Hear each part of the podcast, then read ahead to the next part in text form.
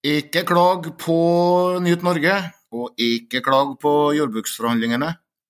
Det er noen sannheter i eh, norsk jordbruk som ikke skal eh, snakkes ned. 17. mai-taler har det til felles at de hyller ting som det ikke er meninga at vi skal være uenig i. Det er fjell og fjord, det er folk i husa og norske daleviser. Og for eksempel lufte sine europeiske sympatier i en sådan stund legger gjerne en demper på stemninga. I den politiske og nasjonale næringa som er norsk jordbruk, så er det 17. mai året rundt. Noen ting er bare sann, som at forhandlingsvilje er bra for bøndene. Europas traktorblokader de er jo utenkelige her, fordi systemet gir oss gode ting. I en kommentar om Småbrukarlagets utvikling, fra økoideologi og til storbondesinne, så advarer professor Reidar Almås mot kamp og konfrontasjon. Han er skeptisk til om landbruket hadde kommet lenger hvis Bondelaget hadde vært mer aggressiv og kompromissløs i møte med staten, altså sånn som Småbrukarlaget. Sosiolog og små, småbrukerforfatter Katrine Kinn står neppe langt fra Almås rent jordbruksideologisk. Desto mer interessant at hun synes Almås kontrafaktiske historieskriving er en mening, ikke forskning. Almås svarer med det han kaller faktasjekk. Dersom Bondelaget hadde brutt jordbruksforhandlingene like ofte som Småbrukarlaget, så hadde bøndene i snitt tapt 468,5 millioner kroner i forhandlingsgevinst per oppgjør samla 5,6 milliarder. Det her er sant på regnearket. En holdbar kontrafaktisk historietime? Nei. Det er rett og slett usannsynlig at tolv ekstra forhandlingsbrudd på 40 år ikke hadde endra statens utgangstilbud eller forhandlingstaktikk over tid. Og selv om jordbruket hadde tapt 5,6 milliarder, så ville det ikke først og fremst ramma bønder flest. Dagens bønder tjener i snitt 212 000 per årsverk. Dersom årsverksinntekten over tid har vært enda mye lavere, som Almås da eh, framskriver, så ville storparten ikke hatt råd til å drive videre. Et gjenværende fåtall bønder ville drevet fabrikkproduksjon på Jæren på Østlandet og langs Trondheimsfjorden. Det hadde ganske visst vært katastrofalt for alle som lever av å levere varer, tjenester, byråkrati og ideologi til bønder over hele landet. For bøndene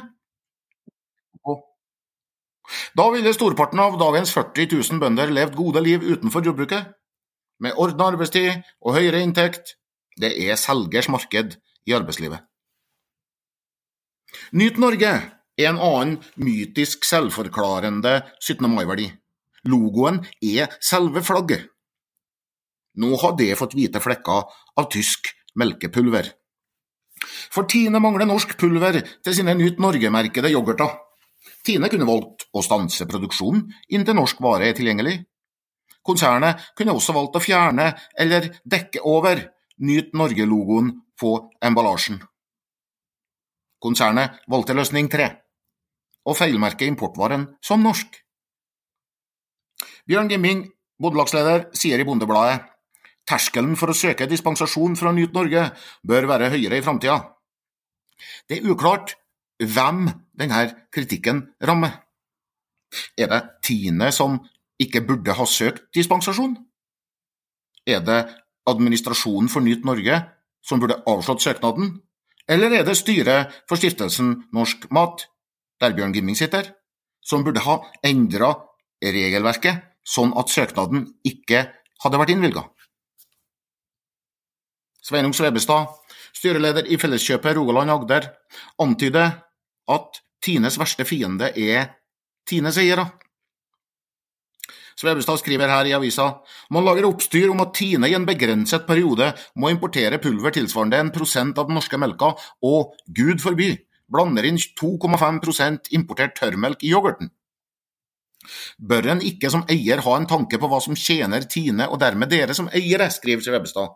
Man snakker ned sitt eget varemerke og gir konkurrentene mye gratis drahjelp.